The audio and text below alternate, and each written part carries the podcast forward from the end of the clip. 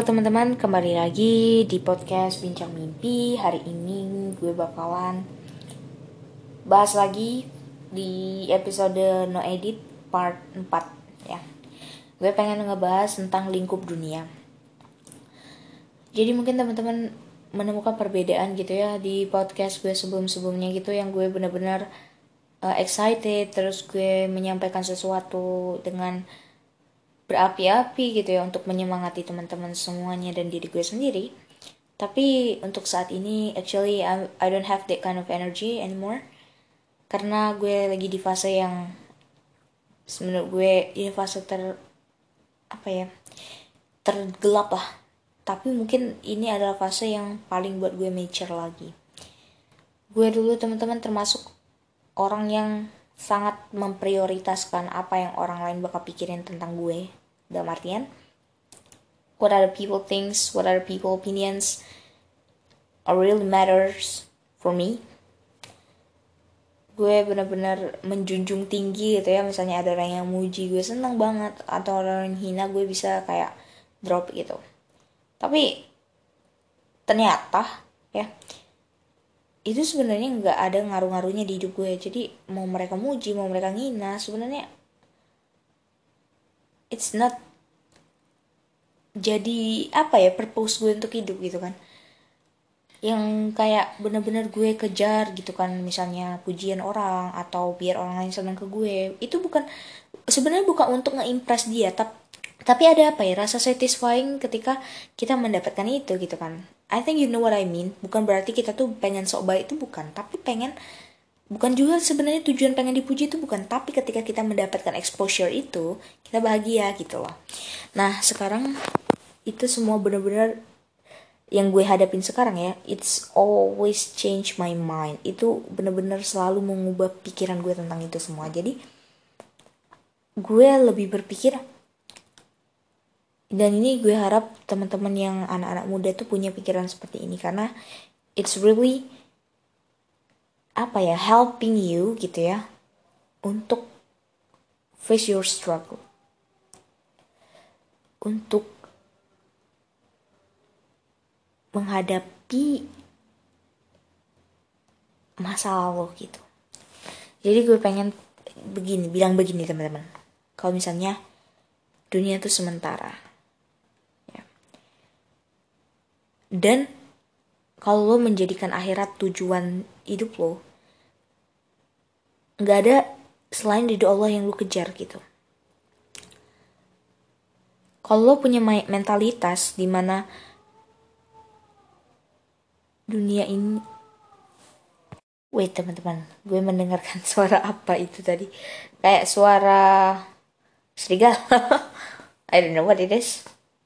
Hmm kita lanjutin ya. Berarti ini pakai editan ya kalau lo ngerasa kalau misalnya dunia ini adalah tempat lo berakhir maka lo bakal ngerasa semua yang lo lakuin terus nggak sesuai dengan ekspektasi yang lo kejar itu bakalan endingnya sedih mustahil mampus gitu.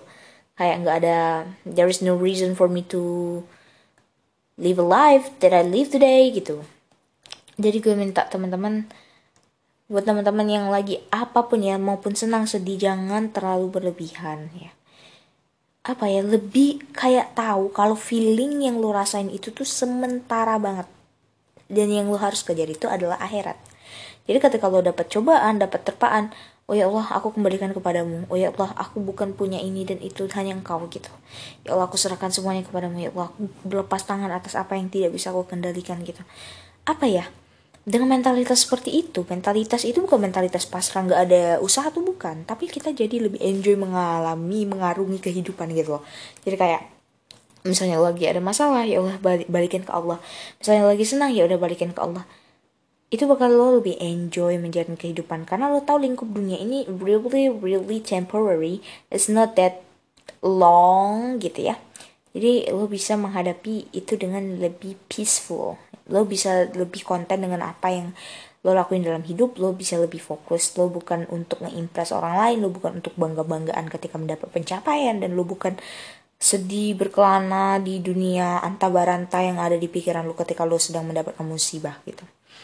Lo menggantungkan semua itu kepada Allah. As a human kita pasti punya feeling di mana kita bakalan senang ketika dipuji dan sedih ketika kita dihina atau kita mendapatkan cobaan. Tapi I think as a human we have the capability also to maintain it. Kayak kita bisa untuk nge-maintain itu ngatur kadarnya itu. Semuanya tuh bisa sebenarnya teman-teman. Kalau akhirat menjadi tujuan kita maka kita akan sulit terdistraksi dengan nikmat atau musibah dunia. Karena kita tahu ya Allah oh ya udah ini ada udah aku udah usahain ya Allah aku serahkan kepadamu asalkan engkau ridho ya Allah udah cukup gitu. Dan mentalitas seperti ini teman-teman ya ini harus siap siap di tempat. Dalam artian lo bakalan ketika lo pengen berhijrah lo bakalan dapat banyak banget cobaan.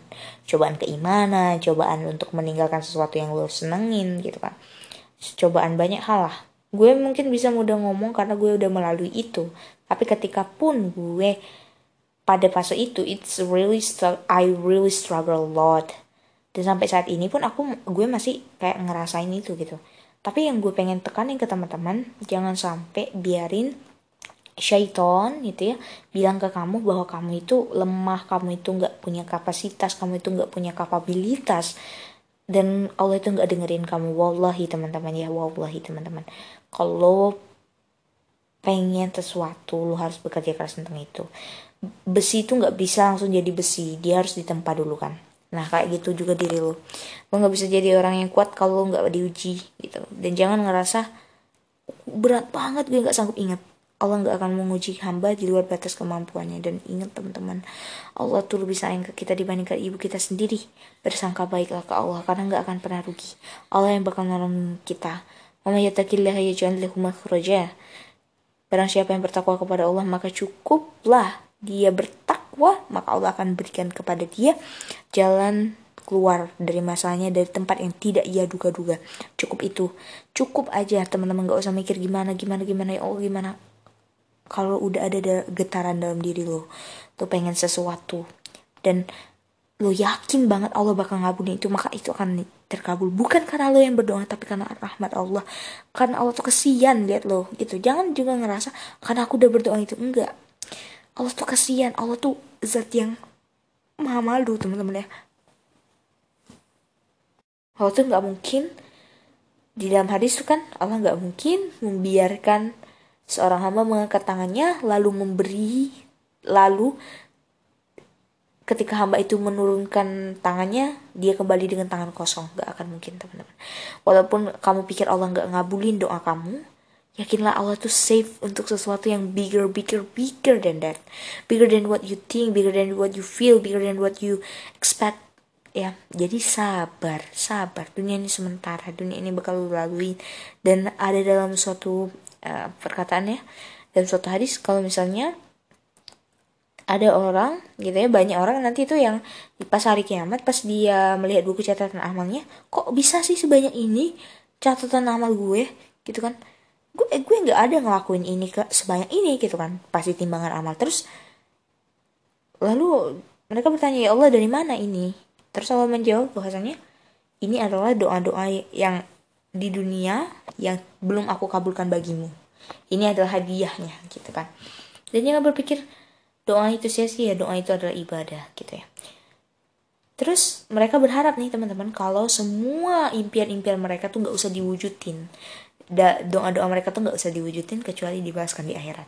Gitu. Jadi pikirannya akhirat akhirat Allah lagi, Allah dulu, Allah terus gitu ya.